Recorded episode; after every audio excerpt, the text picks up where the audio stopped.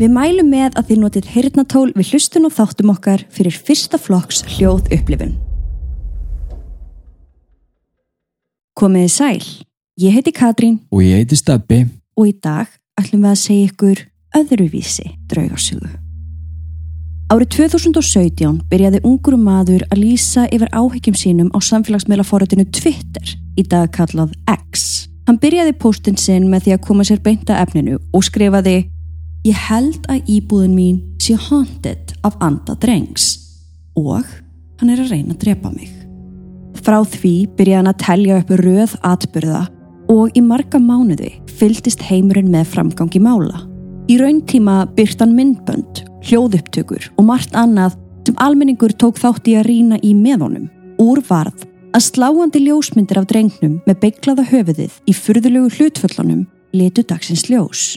Fólk sem að efaðist um trúverðuleika mannsins og atvikaskráningu hans vissu ekki lengur í hvort fótinn þau ætti að stíga. Var þetta allt saman þaul skipulögð markaðsetning af sögu sem setna er þið kveikina hryllingsmynd eða var þetta satt? Við höfum fengið tíu skilabóða þar sem hlustendur okkar hafa kvart okkur til þess að segja frá málinu og í þessum þætti ætlum við að kafa ofan í það vandlega. Þetta er sagan um Dear David.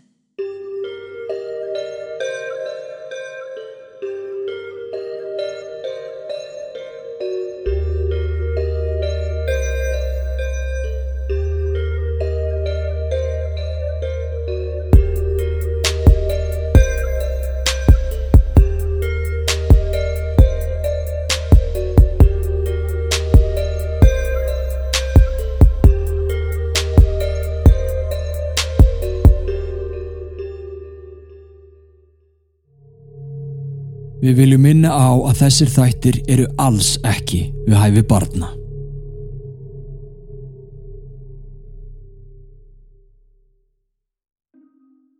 Nú, þetta er svolítið öðruvísi þáttur en venjulega, bæði af því að málið sjálft er kannski svolítið öðruvísi, Já, en líka vegna þess að þetta er sagan þín. Já, Þetta er málið þitt sem þú ert búin að kafa ofan í og ég í rauninni veit lítið sem ekki neitt. Og veistu, mér finnst það frábært. Mér finnst það góður punktur þar sem við byrjum á að þú veist bara ekki neitt. Ég Og- til í það. Já, en forsaga málsins er svo að við erum meðan Adam Ellis. Ok, Adam Ellis var tækniteknari og skrifta Mhm. hjá BuzzFeed.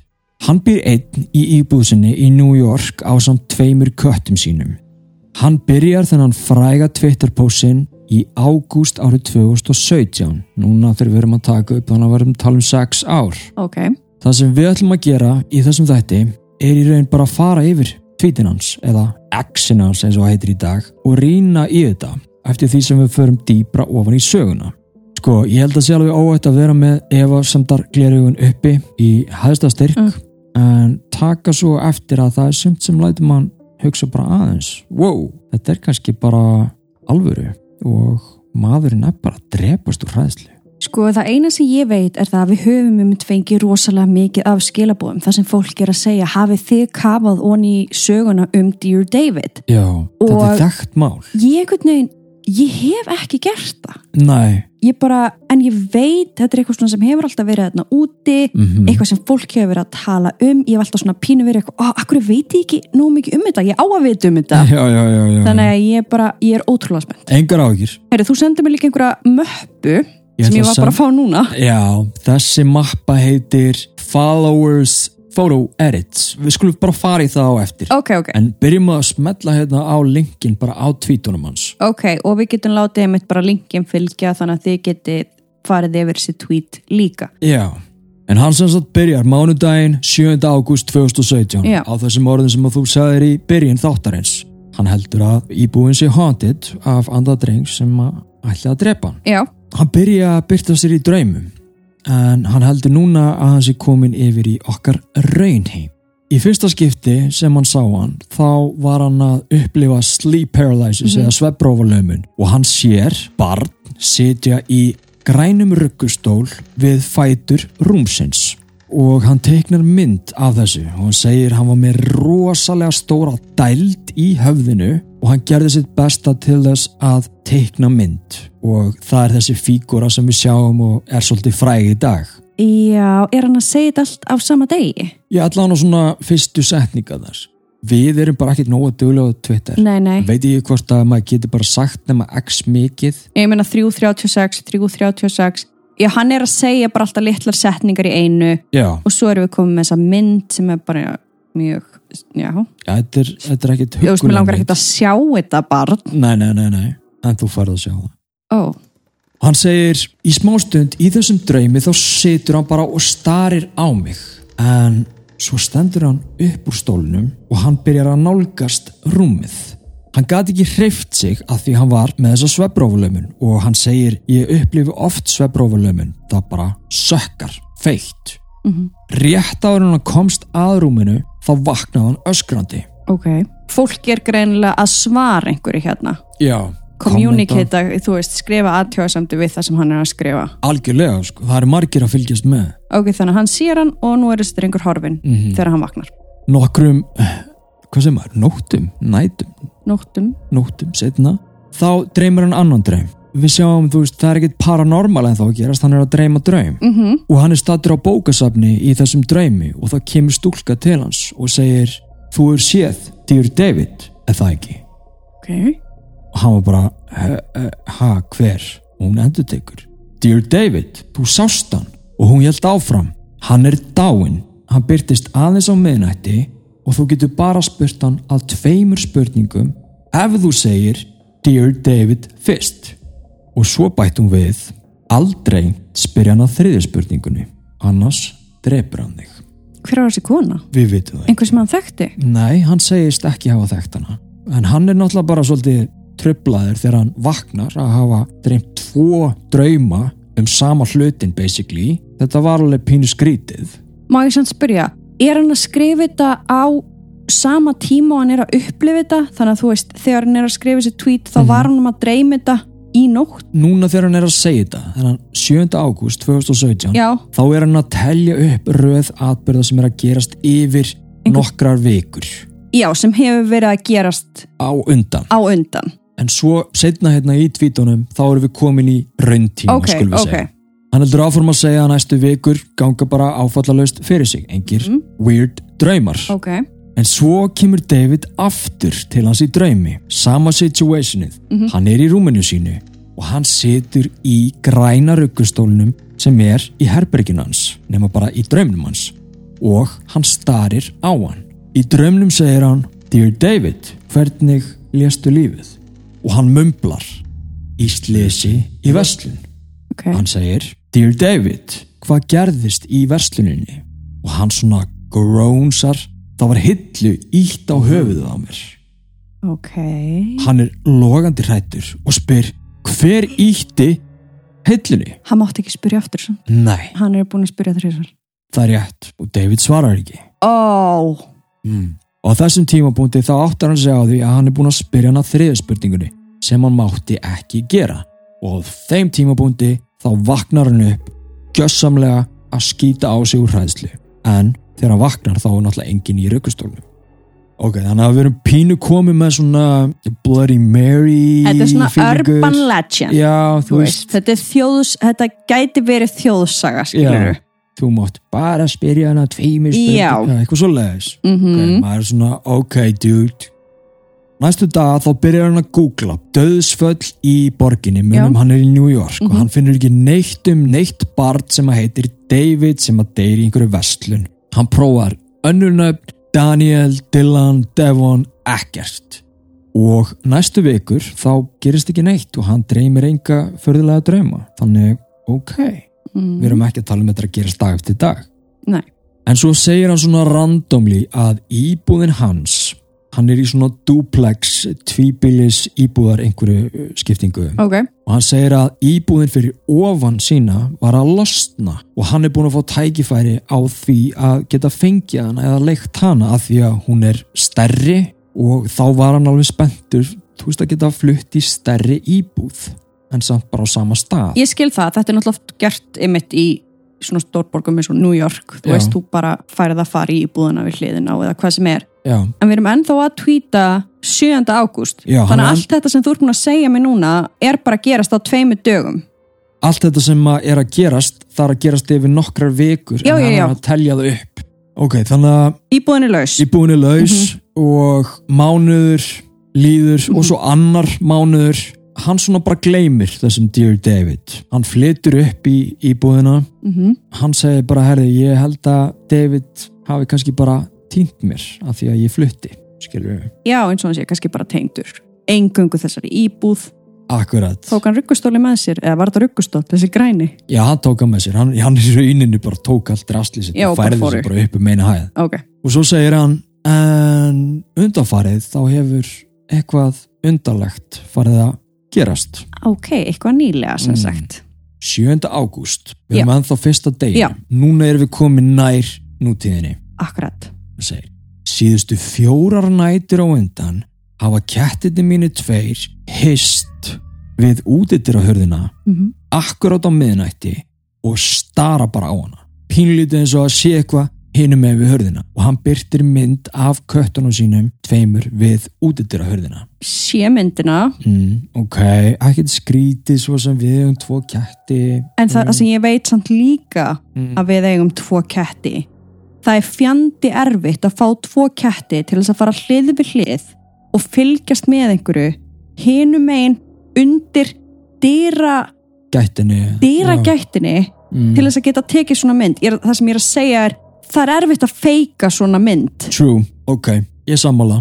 Þú veist, það er alltaf eitt kötturinn sem er ekki að horfa eða fylgjast með. Einmitt, já, rétt. Eða, svona það er það sem er dætt í hug bara ok, vá, þeir eru umverulega er Eru að skynja eitthvað að eitthvað. spá í einhverju, já akkurat á miðnætti ok, og hann segir að í gerkvöldi þá 7. ágúst Mhm. þá fekk hann förðulega tilfinningu og kíkti í gegnum skráagatið og hann segir ég er handviss um að ég hef séð einhverja reyfingu hinum með við skráagatið hinum með við hörðan að einhver hafi verið fyrir utan já, þegar hann opnaði hörðina kveikt hann ljósi fram á ganginum Já. en það var ekki þar en kettirnir, þeir voru svolítið taugaveiklaðir og það var að tala um sko skottin voru glendu Þeir voru hræddir. já, bara gjössamlega þeir voru hrættir við eitthvað Já, og that's where I'm at now. Hingað er ég komin og Ah. það er staðan á mér í dag. Dear David fann mig, held ég. Og ég veit ekki raskat hvað ég á að gera, en ég ætla að halda ykkur áfram upp lístum. Þannig að þetta er pósturinn hans. Bara hingað er ég komin. Við hjónin höldum út í podcastinu Sannar Íslenskar draugasögur. Það er framleitt af Ghost Network, svo mögulega getið þú haft gaman að því. Þar segjum við ykkur sannar íslenskar draugasögur sem við fáum sendar frá óskup venjulegu fólki úr þjóðfélaginu. En allt þetta fólk á það þó sameiginlegt að hafa lent í einhverju yfirnáttúrulegu. Þættirnir eru settið þannig upp að við segjum ykkur sögurnar í fyrstu personu eins og þær eru skrifaðar og síðan tökum við spjall eftir hverja á eina þar sem við greinum söguna, segjum okkar álit og gefum ráð sé óskað eftir því. Þetta eru alvöru íslenskar draugasögur sem eru alls ekki fyrir viðkvama. Þú finnur 24 fría þætti á öllum hlaðarsveitum og fyrir þá sem að þóra og hafa áhuga á, þá bjóðum við upp á áskriftarleið á patreon.com skástrygg sannar íslenskar. Ef þú átt sögu sem þú vilt deila með okkur, endilega senda okkur hana á sannar.draugasögur.com Já, og hann er sko að fá 6300 Like like. og já, 200 replies og eitthvað. Einmitt, það svo fyndi einmitt fyrstu tweetin, það voru bara svona sex replies, Já, já, sex aðtöðasendir, en þannig er greinilega fólk alveg og lesi þetta allt Já, og er tilbúið svona- að fylgjast með. Já. Ok, Tveimur dögum setna, Mhm. 9. ágúst Ok. Update Sjöttu nóttina í röð Þá eru kettirni mínir að, já, ganga að hurðinni akkurát á miðnætti og stara á hana og hann byrtir mynd af einum kettinu sínum reyndar og svo klukku bara þess að sína hei, þú veist, þetta er akkurát á miðnætti.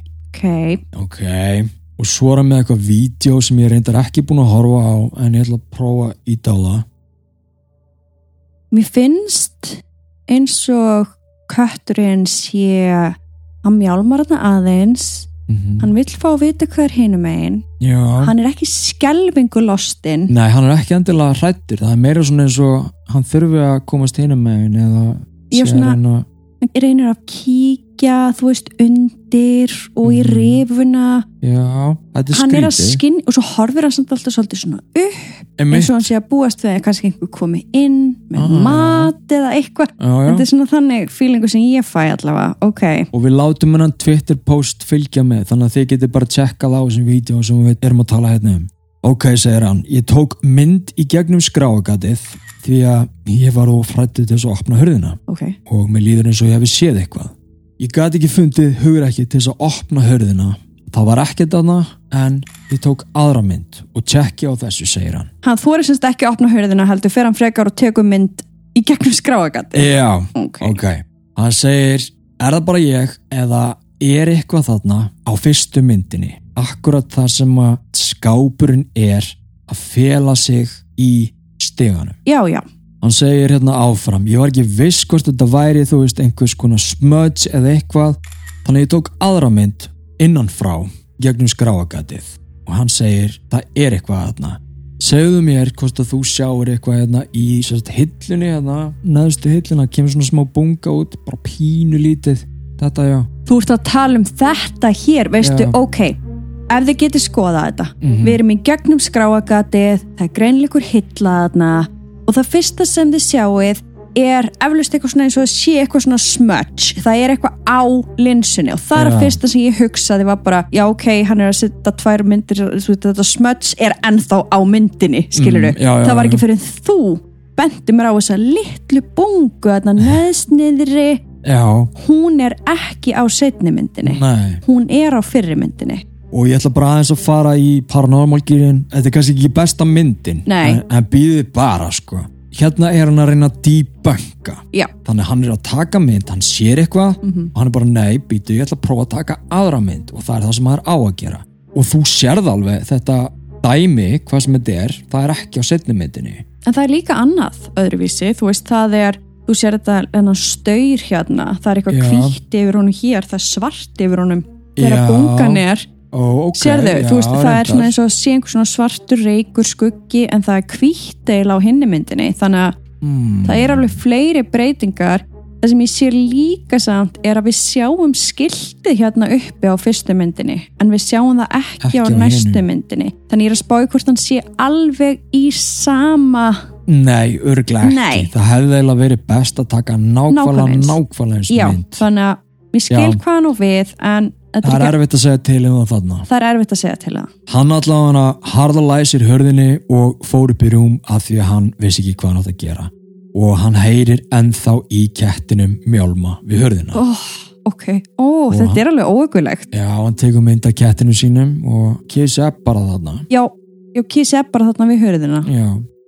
10. ágúst daginn eftir það er búið að vera svolítið róleg nótt segir hann, ég ætla að prófa og aðtöga hvort ég geti notast við svona sleep talk app í símanum til að sjá ef eitthvað gerist um nóttina. og það hefur hrætt marga sko. Já, það hefur gert það. væri gaman að heyra hvort ég hafi tekið eitthvað upp Með sleep appin en eitthvað. ok, Hann fer í rúmið og hann tekur hérna mynd af sjálfum sér með kettina við hörðina. Ég veit ekki hvað, 7-8. nóttin í röð. enn og aftur Og þau gerir þetta bara um miðjanótt. Þetta er bara rútína, segir hann núna. ok, Svo heldur hann áfram að pósta bara kettirnir við hörðina, akkurat við miðnætti, báðir kettirnir komnir, þannig heldur þetta áfram. Hann segir síðan með myndina sem hann póstar með salti, ég veit ekki eins og hvort þetta sé rétt tegunda salti, en hann er að prófa eitthvað. hann er að prófa að hvað sem er hérna hinum einn komist ekki inn í íbúðina þannig að hann er að setja saltrönd einhver hefur kannski sagt hann að það sé Málið. málið sem hann getur gert og hann er bara, já,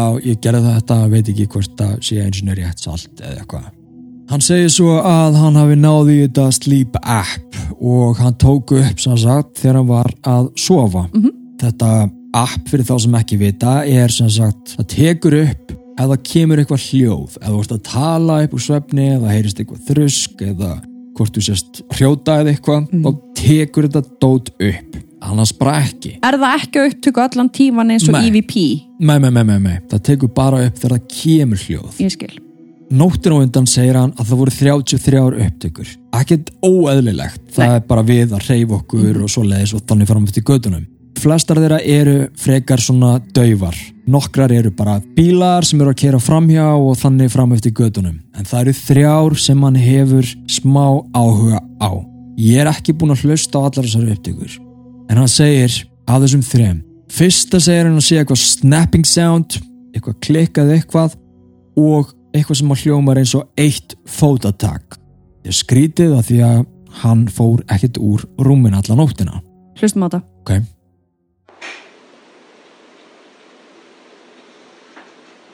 Ég myndi ekki segja að þetta sé neitt. Nei, Svona hafandi hlustað á endalaust magn af EVP biljón, að þá er þetta eitthvað sem að heyrist bara Já. í húsum. Já, já, já. En svo segir hann að eina af þessum upptökum, öllum 33 upptökum, Ok. er svolítið skrítið að því að þetta er bara eitthvað rafmaks suð sem að heyrist og þetta er eina upptakan af þessum 33 sem er með þessu electric suði. Já, hlusta. Já, Ok.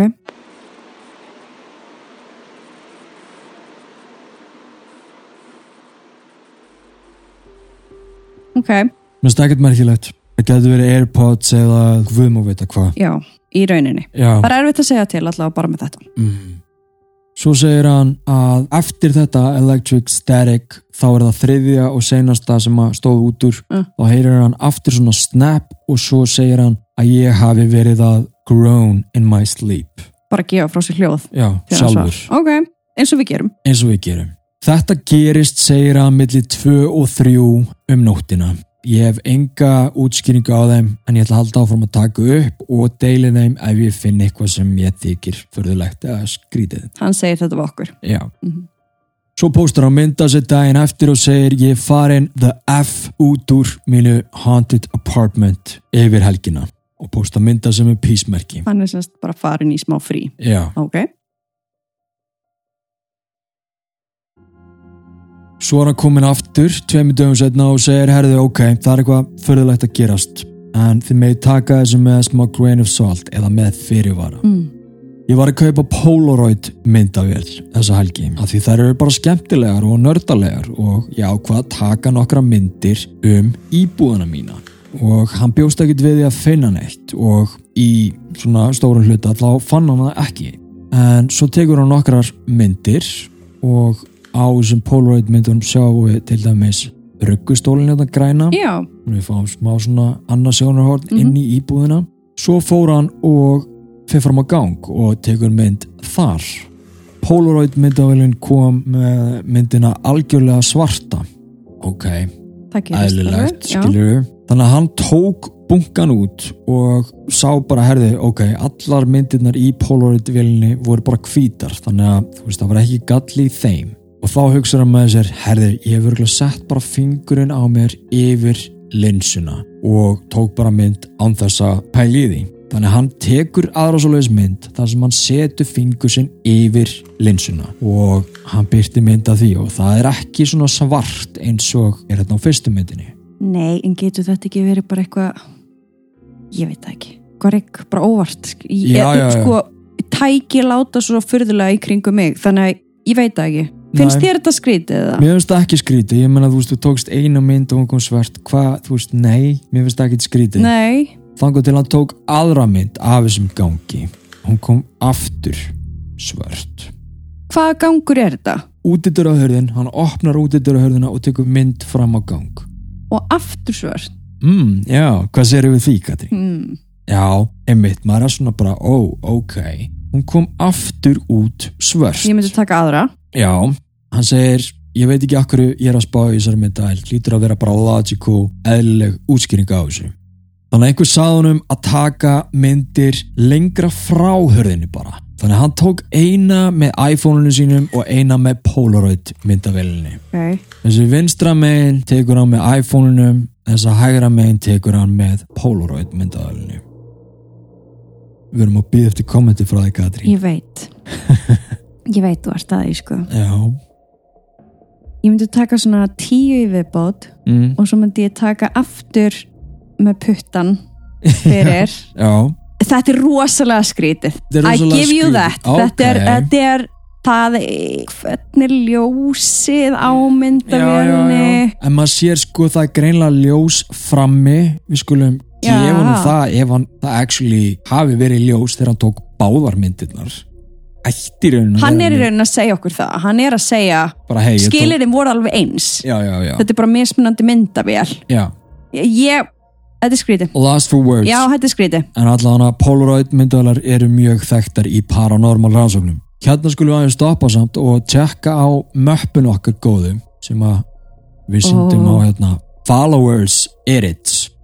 Og býtu hvaða myndir við að fara í við verðum að merkja þetta alveg rosalega vel fyrir ykkur svo þau getið séð þetta á Patreon. Herðu, við Já. erum að fara í fyrstu fjóra myndirnar. Einhver segir hei, það, það er eins og stand einhver í hérna dýragettinni, dyragættinni. Eitthvað svart. eitthvað svart og, lítið. Eða svona lágaksið mm, jafnvel með höfuð. Þetta er sem sagt einhver fotogenískur follower sem er að taka þessa myndir og rýna í þær betur. Hann sendir honum þessa mynd. Ok, allt er læð, ég menna að þú getur séð ímislegt en erum við með fleiri myndir þarna já, já, einhver segir, herði þarna er greinlega strákur í þessum svarta skugga er þetta sama myndin? þetta er sama myndin og það er búið að teikna inn á hana sumir segja, herðu, gaur það er, það er eitthvað barnana eða einhver lágvaksin eða eitthvað sem stendur í dyragættinu Mhm. ok, ég myndi alveg ef þetta væri myndir sem við myndum á mm. Ég myndi alveg segja að hugsanlega. Þú veist, hugsanlega að það væri draugur þarna. það er eitthvað svartara en svart þarna í miðjunni. Já, en það sem ég finnst náttúrulega óþægilegt hér mm. er að það eru margir búin að fara í gegnum myndirnar. Ég veit ekkert hver er búin að taka myndina og gera og hvað. setja eitthvað í hana já. nei, í rauninni kannski þú veist þú getur náttúrulega unni myndir á alls konar hátt. Jú, jú, jú. Æ, þú skilur bara, þú veist, ef mynd skil. fyrir gegnum margar hendur. Þá, já, já, já, já, en ég er að spá í samt að vinna bara í þessum þræði í þessari sögu. Mm ok, að kannski ekkert endilega var pæla allt og mikið í því. Ok. Herðu, hann heldur áfram hérna og segir að fólk hafi hvart sér til þess að nota sage. Hann er, já, hann er farin að sagea íbúðina mm Mhm. og álaga fullu hann sagear gangin líka og hann segir herri ég ætla að sagea the F út úr þessum rocking chair eða ruggustól Ok. græna. mm og hann hugsa svona með sér í hreinskilni þá veit ég ekki hvort að sage sé að virka en ég er opinn fyrir öllu til að reyna allt að því ég svaf ekki neitt síðustu nótt. Ok, og hún greinlega var að vakna eins og það væri alltaf eitthvað að. Já, en þú veist, hver veit, kannski virkar þetta. Ok, dagurinn, morgunin eftir, hann er einfaldur.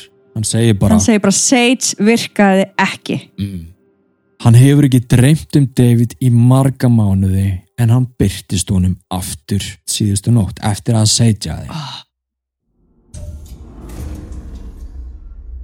Við kynnum með stolti afrakstur margra mánada vinnu, ghostbox.is, fyrir líkamann, sálina og fyrir heimilið þitt. Skoðaðu úrvalið á ghostbox.is. Þorir þú að kanna myrkrið sem liggur handan hölunar? Ertu forvitin um það yfirnáttúrulega? Kondu þá með okkur í leiðangur þar sem við ferðumst um myrkustu horn heims. Hver þáttur mun flytja þig inn í aðra vitt þar sem heimur okkar lifandi mætir heimi hinn að látnu. Við erum búin að vinna linnu lösta því að flétta saman ókveikjandi sögur hand ykkur og með fyrsta flokks hljóðgæðum sköpum við andrumsloft sem mun halda þér á tánum. Leifðu okkur að vera partur af lífið þínu. Farðin á patreon.com skástrík draugasögur og prófaðu áskrift í sjö daga frítt. Engin binding og þú far aðgang að yfir 500 þáttum strax við skráningu. Eftir þessa sjö daga getur þú valið hvaða áskriftarleið hendar þér. Viltu fá eina draugasögu í mánuði eða tvær í hverju einustu viku? Þitt er valið. Eftir að þú ert komin í áskrift getur þú hlusta á þættun okkar þar sem þú vilt. Þú getur tengt áskriftina þína við Apple Podcast, Spotify og fleiri veitur og fengið alla nýja þætti beint þangað inn. En núna skulum við halda áfram með söguna. Í draumnum þá var herbergi hans fullt af reik. Hann sá David sitja í stólnum, raukustólnum, hinum meginn í herberginu. Hann var minni í þetta skiptið, eins og hann hafi einhvern veginn skroppið saman. Hann sagði ekki neitt eða gerði neitt nema horði á hann. Hún líður eins og þetta sé fyrirbóði að einhverju verra sem er að fara að gerast. Hann heldur síðan áfram og kettirnir eru alltaf við hörðina akkurát á miðnætti, einhverja hluta vegna, alltaf á miðnætti. Það er skrítið. Og hann segir að aðrir hlutir hafa líka verið að gerast, svolítið Ok. förðulegir. Hann er búin að taka upp sjálfa sig með þessu sleep appi og hann tekur alltaf upp þessa rafmaks Bylgjurnar hann eitthvað, hlu- buzz. hljóðið, the buzz. á hverju nóttu, akkurat klukkan þrjú á nóttu til. Getur það ekki verið tengt húsinu þá? Jú, annarkvort er það bara 3am, the witching hour eða akkurat 3am þegar eitthvað kerfi fyrir gang eða hita, dæla eða I don't know. Að ég myndi allavega ganga úr skuggum það. Já, hann segir að þetta endist í svona 5 mínútur í hvert skipti. Ok. Þennan morgun sem hann er að segja þetta þá vaknar hann upp við þvílíkan hristing í húsinu. Hún leið eins og þetta væri bara lítill jarðskjálti. Hann veldi fyrir sér hvort hann ætti eins og að minnast á það á Twitter af því hún finnst það hljóma bara frekar eins og eins og uppspunni Já. en hann var bara ég klárlega fann fyrir húsinu sveiflast.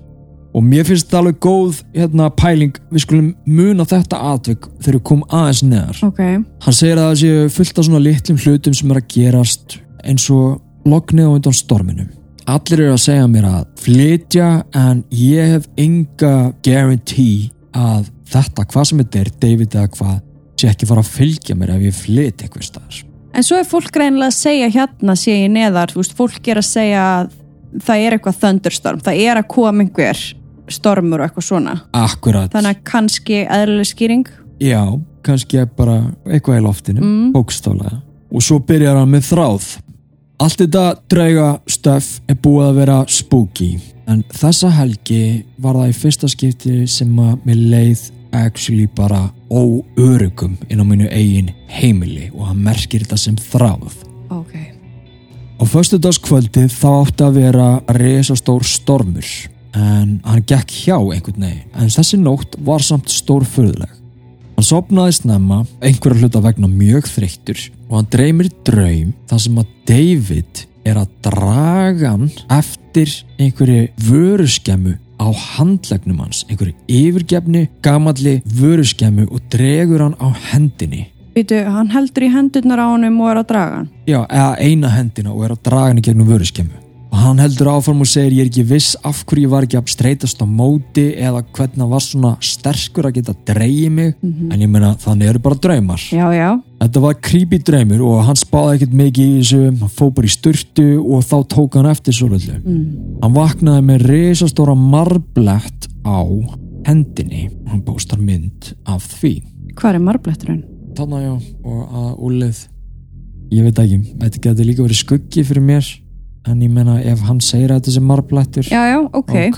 hann segir, ég veit. Kannski var ég búinn að slasa mig deginum áður eða eitthvað. I don't know, og kannski var þessi sásöki eitthvað sem að manifestaði sig sem furðulegan draum. Hann í raunin er bara að segja þessi marblettur gæti hafa komið á einhvern annan hátt. Mér finnst þetta bara skrítin tilviljun að í rauninni mér hafi verið að dreyma hann draum, vakna, síðan að marblett en að gæti verið eðlileg útskýring fyrir þessu. Já, Já. og það er það líklega þannig að hann hættir að pæla í þessu mm. -hmm. fæsir kaffi sem hann gerir allar helgar -hmm. og þegar hann fer í kaffishoppuna í hverfinu Já. þá fer hann fram hjá svona vöru kerru lager Já, ég skil, þetta- ég sé mynda á þessu, þetta er pínu bara svona eins og, já, þetta er bara einhvers konar lager. Já, það er svo að ógislega mikið að gera þarna þeir fara með einhvers konar vestlunarkerrur í tugum í gegnum þessa vestmiðu ég veit ekki hvort þið sé að þrýfa þær eða mála þær upp og nýtt eða ditt eitthvað upp á þær. Ok. en þær fara inn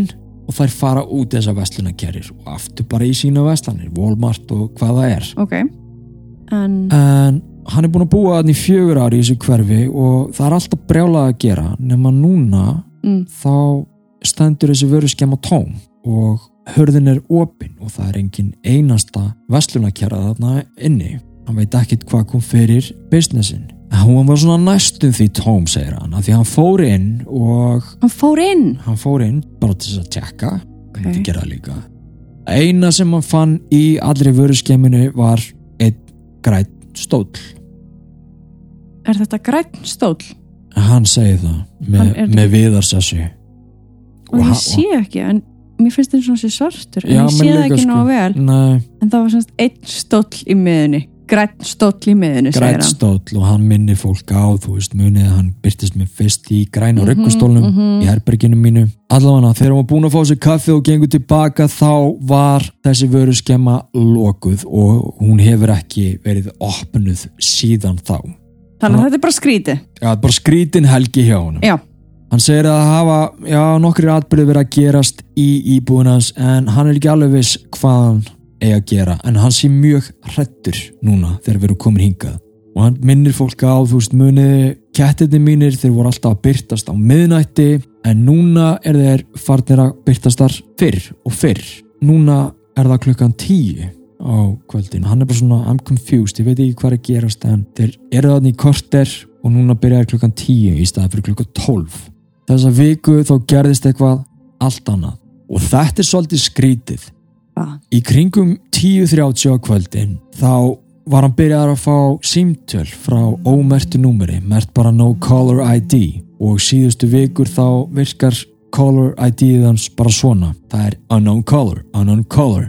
Og hann byrtir skjáskot af því. Þetta er allt raukt sem þýðir að hann hefur ekki svarað þessum En símtölum hann hefur svarað þarna einu og hann segir einmitt, já, þið takki eftir að ég svarað einu sinni. Já, hann held sem sagt að þetta væri bara einhvers konar tölvu automated, eitthvað sem að væri að ringi í hann. Bara eitthvað skam bara eitthvað skem, þannig að hann hugsa ok, ef ég svara einu sinni þá kannski hætta þeir að ringja mm -hmm, þannig að hann svaraði. Mm -hmm. og í staðis að heyri eitthvað svona tölvu velmenna hljóð sem væri bara eitthvað, þú ert í gallup eða eitthvað, Já, já, þá heyrðist bara þetta electric buzz þessi útvarspilgju sem hún var að heyra Ok. í sleep appinu mm hann segir ekki neitt, hann hlusta bara og hann býður eftir að komi einhvers konar skilabóð fram. Þetta var svona mínúta. Og þá skyndilega stoppar þessi electric buzz og þá var bara þögn. Hann heldur áfram að hlusta á þögnina. Hann er nokkuð við sem hafa heyrt andadrátt svo daufan, hann. Var samt alveg nokkuð viss. En hjarta hans var á fullu. Það var svo erfitt að heyra það og akkurat þegar hann var að fara að skella á þá heyrir hann rödd úr barni segja halló. Og það sem að honum fannst svolítið skrítið um og fríkaði hann út þetta var ekki spurning, halló? eða einhver að heilsa. Halló, þetta var bara svona flat out halló. Ok. Og hvað svo? hann panikaði, skellti á vissi ekki hvað hann átt að gera þannig að hann dróf fyrir alla gardínur og kveikt á hverju einasta ljósi svona eins og maður gerir þegar maður er ekki í stöði Hann horfði á sjónvarpið alveg til morguns að því hann var ofrættur að sopna. Hann segir hérna, ég held að ég sé að missa vitið. Hvað finnst þið þegar við erum komin hinga í söguna með þessi caller IDs? Eins og hann segir, ef þú horfir á hvert og eitt atvik on its own fyrir sig, þá er örgulega eðlileg útskýring fyrir hverju og einu þeirra. En þegar hann hendur þessu öllu saman, ég skil. þá það er, ertu bara frustrated. það er rosa mikið í gangi Þú veist, ég gef honum það alveg. Það, það er eitthvað að og hann segir að hann sé búin að færa hann að græna raukustól út úr svefnherbygginu og fram í stofu. Ég myndi náttúrulega bara að losa mig við hann. Já, ég líka. Hann segir, ég er að fara til Japans eftir þrjár vikur, get ekki beð eftir að fara til Japans í þessa vinnuferð og vonandi hættir þetta. Ég skil það, bara koma sér úr aðstæðum og fara eitthvað annað Ég flutti um íbúð, fór á efrihæðina, þannig að ég hugsa, ok, hvað ef ég fer til Japans, þá kannski heldur hann hafi týnt mér aftur og ég fæ smá frið. Já, hann líka kannski hættir að hugsa svona mikið um þetta Akkurat. Ég minnst mjög spes að hann segi hérna að hann hafi keft eitthvað svona pet monitor til þess að fylgjast með köttunum Já. verða þeir samt bara einir eða? Vistu, ég veit ekki hvernig það virkar, sko. Kannski er hann með eitthvað sem að kemur og gefur Það þeim að borða. hlýtur eða að vera. En allan hann kaupir einmitt þetta pet monitoring kameru myndavél Já, til þess að fylgjast með köttunum á meðan hann er erlendis. Já. Þetta er bara nannycam segir hann sem er bara tengt við wifi og þú getur bara tjekkað inn á þessu appi hvenna sem er. Og hann lætur við líka vita ef að sko það kemur einhvers konar reyfing eða einhvers konar hljóð. já, Og hann fær svona nokkuð ping, þú veist, hann er ekki farin út í Japan og hann sér einhver myndbönd, hann sér ekki neitt. Það er ekkert að gerast á þessum myndböndum en svo horfir hann í þriðaskiptið og hann er bara, wow, tjekki á þessu og segir fylgist þið með græna ruggustólnum. hann reyfist Hann reyfist, hann ruggast, mm hann segir ég er ekki með opna glugga á sumrin, ég er með AC air condition sem hann er með á bara alltaf að því að hann vill hafa svolítið kalt inn í íbúðinu sinni. En ég menna að það getur svo sem líka blásið. Ég veit samt ekki akkur að þetta blása akkurat og stólinn. Já, já, já, það var óþægilegt segir hann. Svo fær hann hérna annað vídeo.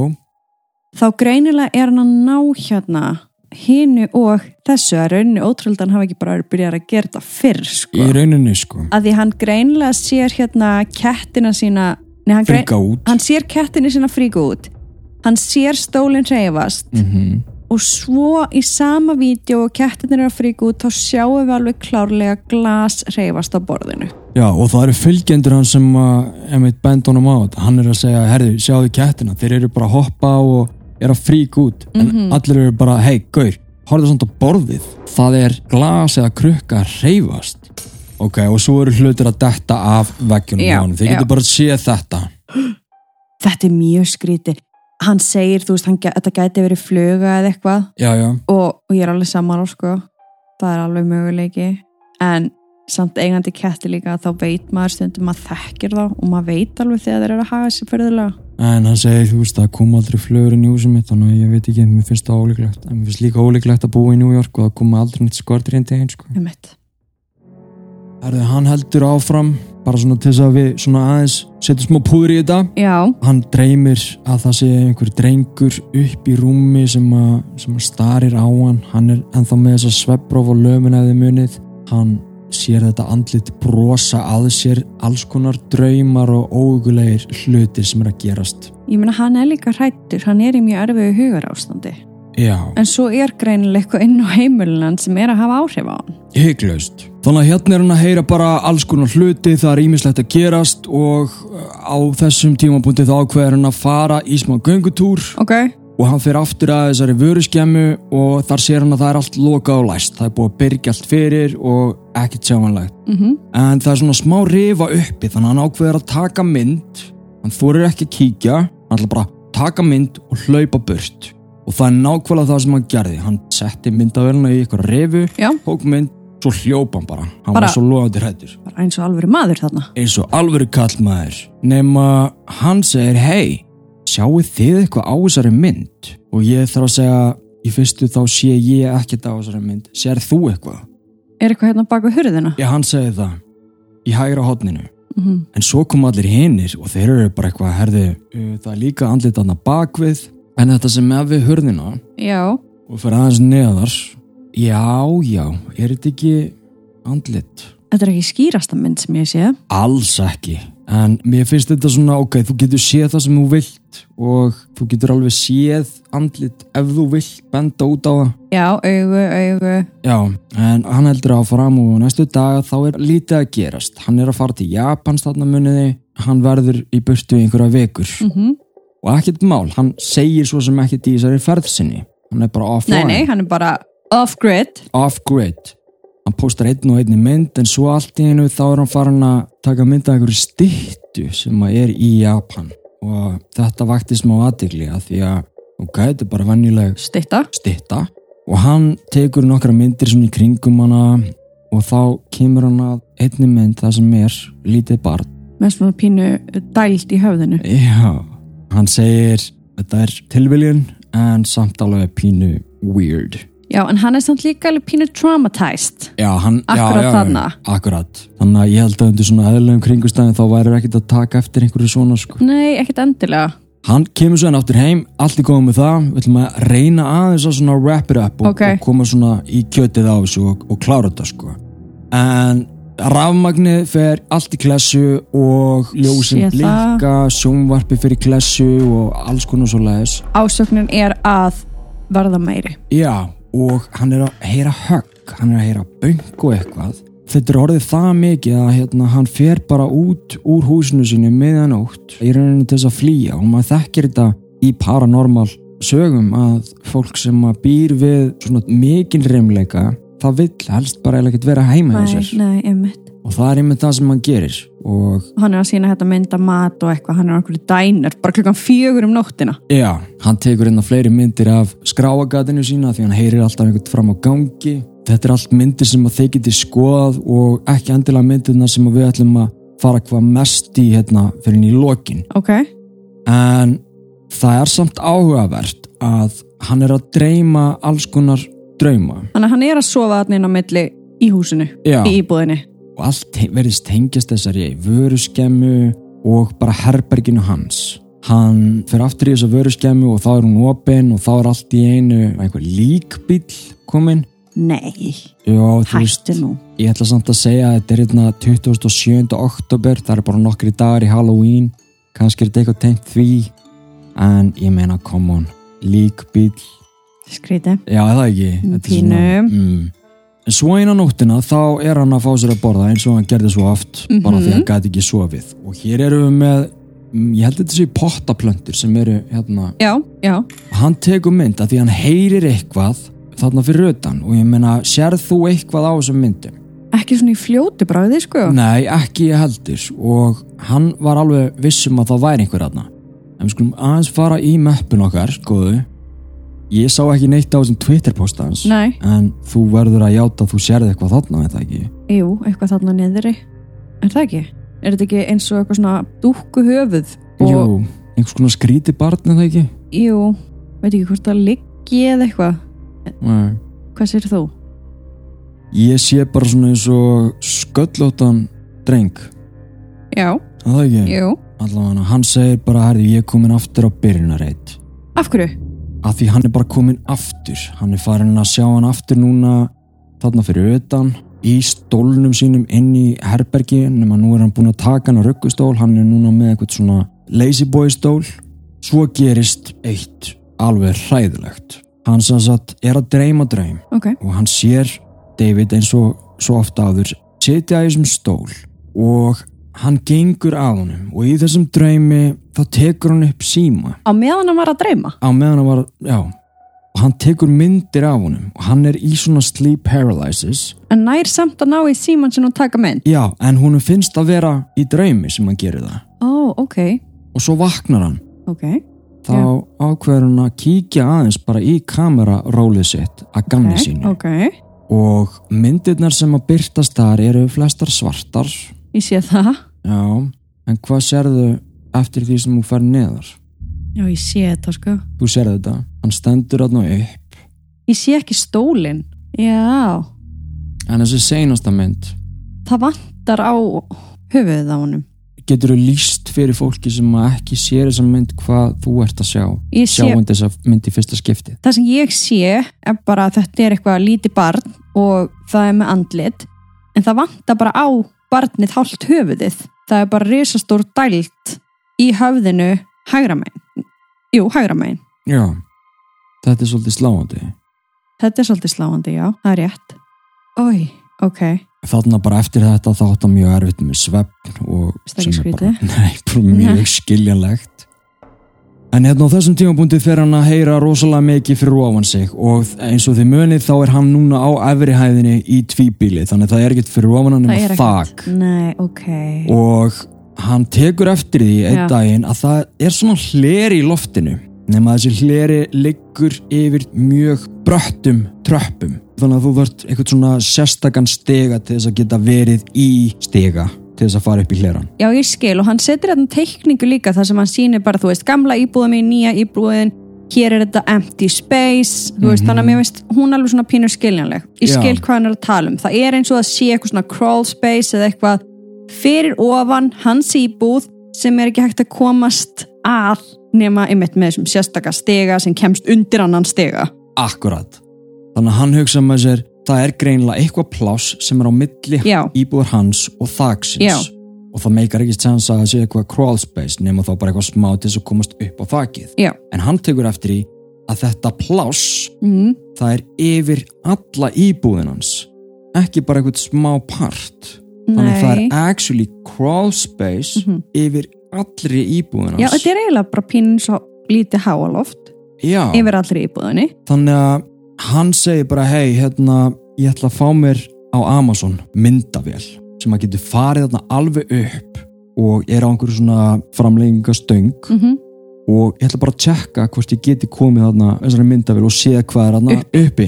Til að gera langa sögustutta þá er hann komið með þetta prigg. Hann Já. fer eitthvað, þú veist, til fjölskylduna sinnar yfir Ok. einhverja holidays og hann fer með þetta prigg Ok. hann er með vídeo af þessu nema hvað að það dettur á hann eitthvað. Það dettur eitthvað á hann og hann sér að þetta er svartur leðurskór. Sem datt á hann? Sem datt á hann af þessum hlera sem að enginn veit hvað er.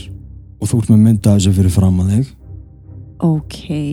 Nei þú veist, ég veit ekki hvað ég á að segja. Nei, þetta er bara skór, þetta er leðurskór gamaldags á af, mjög skrýtnum stað. Já, af barni hann ringir í Thank God, veistu, ég hugsaði með mér af hverju er maðurinn ekki löngu búin að ringja í leigusal já, bara herði, vistu, þetta gengur ekki lengur og núna var skóra detta hún á mig, þú verður að koma. Hann gerir það, þessi gæði kemur ok. með sérstakann stiga ok, og hann kíkir hann upp og hann segir bara hei Aram, það er ekkert hann uppi. Og svo segir hann byttu, byttu, byttu, byttu það er eitthvað þarna. Og hann sér litla glerkúlu.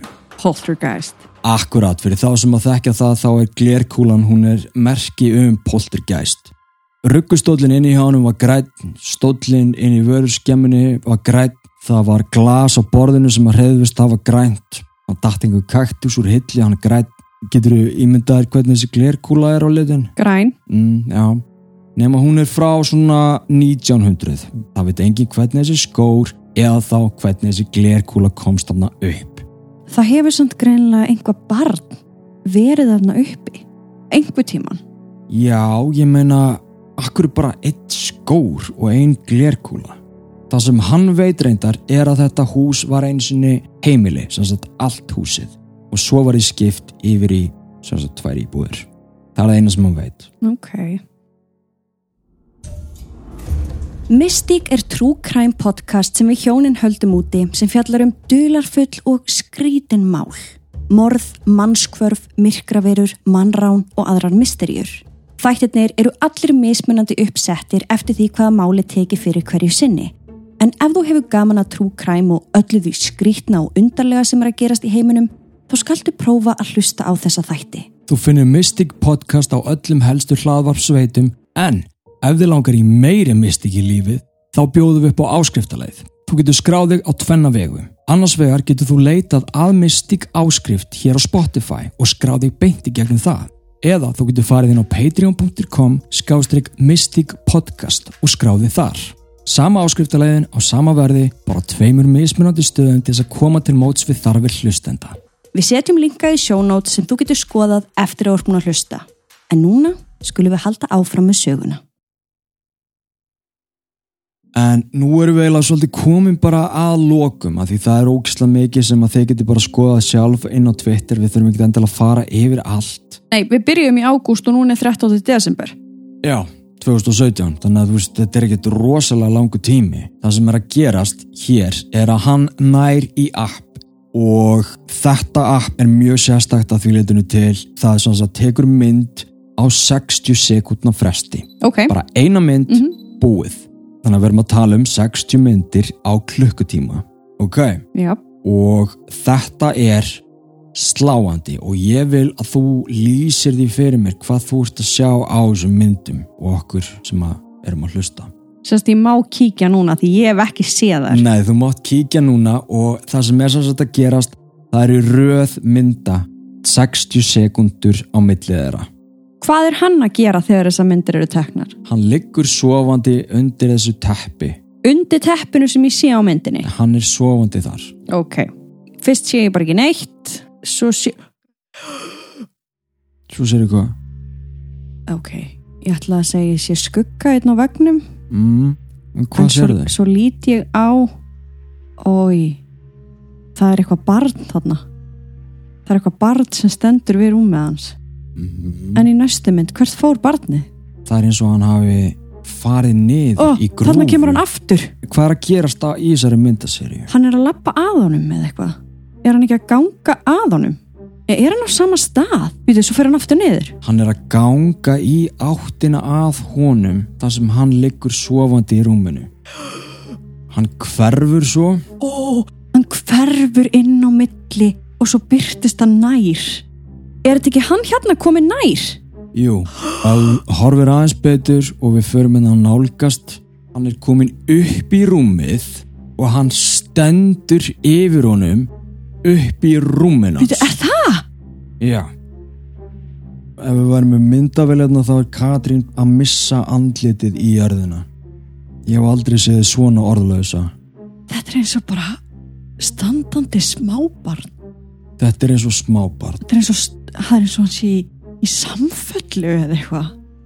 Og hvar, hann stendur fyrst upp á stólm, hann er sofandi hér. já, þú sérð Adam bara Ég sofandi sé þetta þarna. betur á þessu myndum. já, það er búið aðeins að hérna, lýsa hana upp Býtu ég ætla að kíkja á næstu. Nei. jú ok, svipurinn á Katrínu er þannig að hann kannski kemur ekki alveg í ljós í Nei, upptökunni mér langar að gráta. Þetta er það ógeðslegasta sem ég hef séð og ég hef séð margt. Þetta er viðbjóður Ég, ég ætla að taka mynda þér Þannig að þessi myndaseri er þannig bara í stuttumáli Hann er sofandi, allt í hennu byrtist þetta barn sitjandi í stólnum Allt í hennu stendur barnið upp Allt í hennu fer barnið úr mynd Það byrtist nærúminu Svo er það komið upp í rúm Og það stendur yfir honum upp í rúmi þetta litla barn og svo á síðustu myndinni þá sjáum við að barnið, eða hvað sem þetta er er að fara í áttina kamerinu, eins og að viti af Er kamerinu þetta barnið? Er Er viss, þetta ekki hann? nei, hann er sofandi Ég held að þetta væri hann vaknaður. nei, nei, nei, þannig að þetta er hár á hverju sem þetta er og eira hérna og svo eru einhverju sem að búið til svona gif það sem að sést greinilega að David hefur ítt við kamerinu smá. Það sem gerist næstu vikur og mánuði þá talar hann um hann vill flytja hann er búinn að fá einhverja vini til þess að koma og reynsa íbúðina það eru paranormal rannsakandur sem eru búin að hafa samband við hann og ætla að hjálpa honum og meira svo sjónvastættir hann vill ekki fá neina hjálpa því hann vill ekki gefa sér gaum þannig fram eftir ekki, ok, sorry, ég kaupi það ekki. Þetta er búið að heldtaka lífið þitt. Seinustu fjóra mánuði, Adam. Þú ert búin að tweeta á nánast hverju einasta degi. Já, Þú ert búin að kaupa þér hluti á Amazon. Þú ert búin að kaupa myndavel app, ég veit ekki hvað og hvað. Þú ert nú þegar að gefa sér áhuga. Þannig að þú veist það að segja allt í hennu ég vil ekki fá hjálp. Það er svona eina sem ég myndi hugsa bara, ok, ert að make it up. Af því að ég myndi styrlast já ef ég næði þessu á vídeo. ef þetta var eitthvað sem við myndum lendi í þá myndum við gera allt þess að fá þetta út Ég, þú Og- ert ekkit bara eitthvað, veistu, nei, ég er að spá í bara, þú veist, ég sef bara hér áfram, mm þú veist, ég þarf enga hjálp, ég vil ekki gefa þessu gaum, kaup ekki þau rauk. Já, hann fer allan til fjölskyldu sinnar, fer aðeins útrúsu og þar byrtast fótspor fyrir utan, barnafótspor.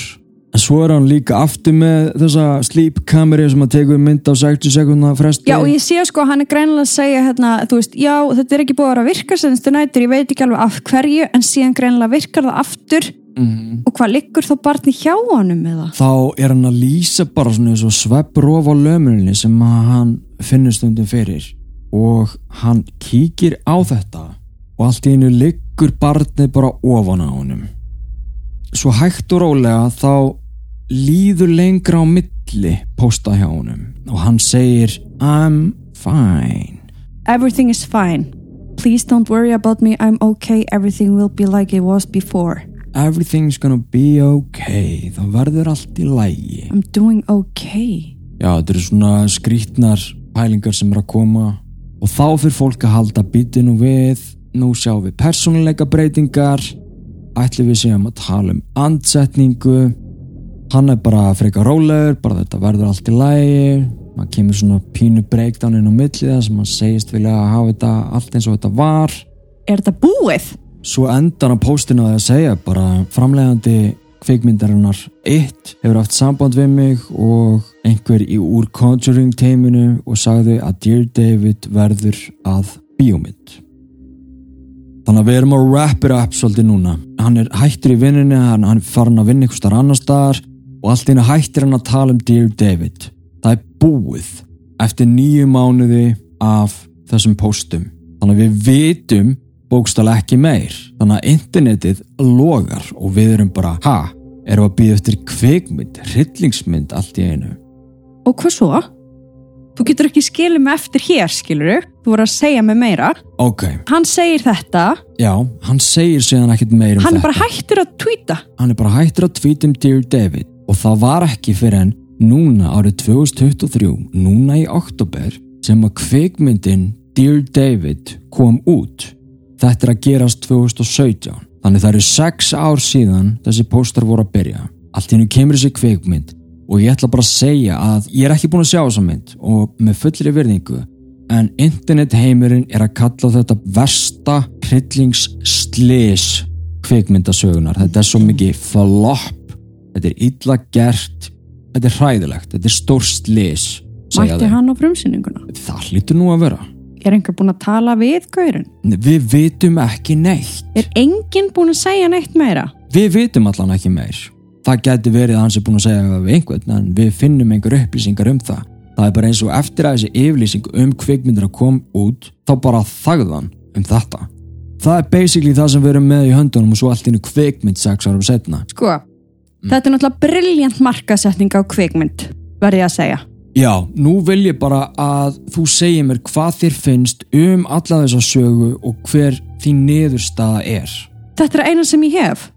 Já, ég meina þú ert með sönnunagögg innan gæsa lappa kannski. Er búið að rannsaka hvort þetta sé mögulega feik Nei, þetta eru einu upplýsingarnar sem við erum með, það eru þessar sem við erum með. það sem ég er allavega að taka eftir núna bara reyna að finna eitthvað meira um þetta á Mhm. internetinu að það er bara það, það eru allir bara með skoðanir á þessu og það er Já. alltaf þannig með paranormal myndir og draugamyndir almennt, það Mhm. eru þeir sem segja að þetta sé feik og segja af hverju þetta sé feik en ég veit samt líka alveg að það hafa náðust rosalega myndir, til dæmis eins og hérna myndin af koninni í Raynham Hall sem er einn frægasta draugamynd allra tíma Já.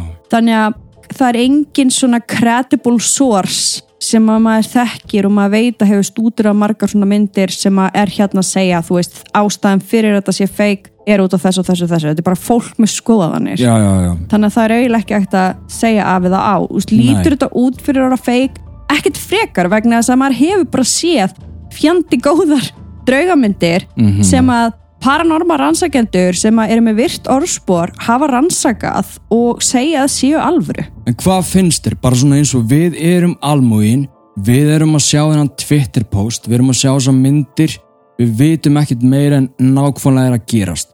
Hvað er þetta? Er hann að gabba okkur eða er hann haunted by a little demon boy og... maður verður náttúrulega líka að horfa samt á það að hann er náttúrulega teiknumynda illustrator Já. Vist, hann vinnur náttúrulega með, með Þannig. það og hann vinnur hjá BuzzFeed Já, þannig að það er svona það fyrsta sem ég held mér finnst líka pínlítið skrítið að hann hafi ekki viljað fá neina hjálp en eh, get ég sett þetta einhvern veginn í svona tvo sitt hverja dálka úst. ef ég ætla að segja að það sé fake ok, ok. Skilurðu mig? Já, þá myndi ég segja bara briljant markasetning sem floppaði síðan ok. af því að þetta er briljant markasetning Mhm. ég verð bara að segja það nákvæmlega eins og þarna smælmyndin þegar þau fengu alla í stadiuminu til þess að brosa, Brosa þú veist, þetta já. er alveg þekkt að þetta er gert Mm þannig að fáum eitthvað gaur til þess að twitta í nýju mánuði og svo skulum við búa til brjálaða bíómyndum þetta Ok. mér finnst pínu skrítið samt sex árum setna Já, að kveikmyndi sé svona lengi í fæðingu. emitt Já, mér finnst það svolítið skrítið. og svo er það svona svolítið flopp greinilega, Já, þannig mér finnst það pínu dulafullt mm, en ég get alveg trúa því að þetta hafi átt að vera briljant markasetning sem að floppa því aðeins ok. líka vegna þess að það er bara engin það er ekki heyrst í þessum gaur aftur það er Mhm. engin vinur að tala um þetta það er engin að spá neitt meira í þessu nema bara fólkið á netinu Já, er það ekki? og fólk eins og við. fólk er svo við, þannig að ég veit ekki, mér finnst það svona pínuskríti að hann sé bara búin að vera hljóður Mhm. allan hann tíma Ok. hvað finnst þér um Þannig þetta? býtum við, þannig að loka niðurstaðan er... Þannig að það í rauninni fær mig til þess að halda að þetta sé fake býtu, Ok, ok.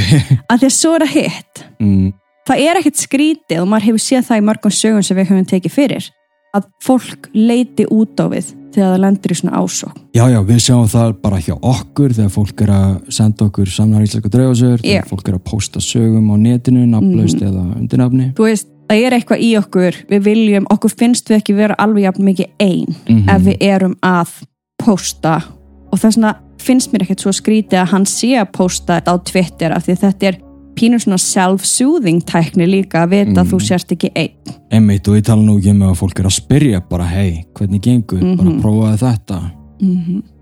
En það að þetta hafi ekki fríkaðan út to the point mm. að hann hafi farið út úr húsinu Hann svo sem gerði það oft Já, en gaur ef að ég myndi sjá þessa myndir mm af þessu barni svona skýrt ofan á mér í rúmi ég myndi fríka og við erum við við nærumst í þessum heimi -hmm. ef þetta er bara þessi gaur Já.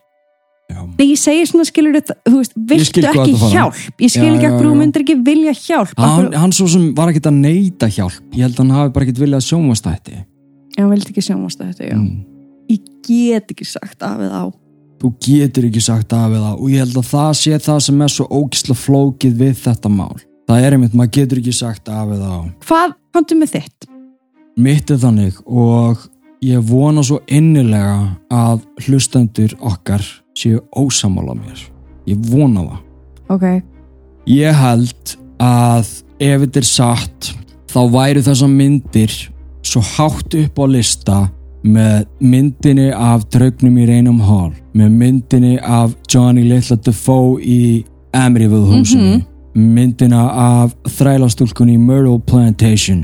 Þessar myndir myndu allar fara beint fyrir ofan þær allar og tróna þar.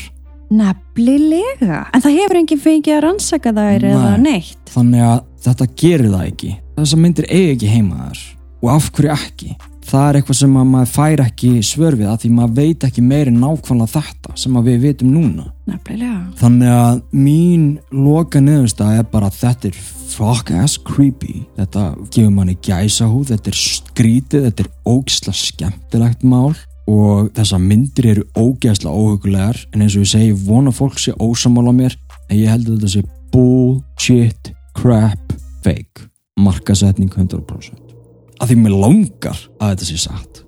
Ég skil alveg hvað áttu við og það er bara það sem mér finnst þeim eitt svolítið leitt. Það er að það sé ekki hægt að rannsaka þetta meira. Mm og ástæðan fyrir því er vegna þess að þetta er líklegast fake einmitt. Já, já, já. Það er út af því. Mm og ég held að þetta sé mitt svona saga sem að skilum mann eftir svolítið torn og maður er svona ég veit það ekki. Og það er ástæðan fyrir því að þetta er ennþá á vörum svo margra af því að maður er einhvern veginn ekki komið með neitt closure. Nei, þetta er bara eins og urban legend. Og Já. það er bara nákvæmlega það sem þetta er. Þetta er urban legend frá 2017 þú veist, eftir Mm. 80 ár eða eitthvað, þá er þessi saga öruglega ennþá á lífi. Þú veist, Einmitt. muni eftir Dear David. Akkurat. Þannig að þetta er það sem það er. Mm þetta er urban legend sem við munum aldrei fá hérna neins svör í og það mun alltaf vera skipta skoðanir vegna þess að þannig er það með Urban Legends þannig er það bara þannig að eins og ég segi, ég get ekki sagt af eða á vegna þess að ég veit það ekki Ég vil allavega endilega að þið kommentið eins og þið viljið og getið og hjálpið okkur að koma með einhverja kenningar í þessu máli. Annars held ég að sé bara eitt punktur sem að, eða svona lærdómur sem við drögum af þessu máli og það er bara það, Katrín. já, Ef að þið dreymir dreng með dæld í höfðinu, þá máttu bara spyrja hann að tveimur spurningum. ég er nefnilega vissi það sko Alls ekki spyrja hann að þriða spurningunum. ég ætla bara ekkert að spyrja Na, fínt. Takk fyrir að hlusta á draugasögur. Þessi þáttur er gammal áskriftaþáttur og ef þér líkar efnið, nennið þó please að setja 5 stjörnur á þinni hlaðvarpsveitu og segið öðrum frá. Deili gleðinni og segið okkur hvað ykkur fannst um þennan þátt. og svo viljum við endilega hvetja þig til þess að kíkja inn á patreon.com skástrík draugasögur og prófa áskrift frítt í sjö daga það er engin binding og þú far aðgang að yfir 500 þáttum strax við skráningu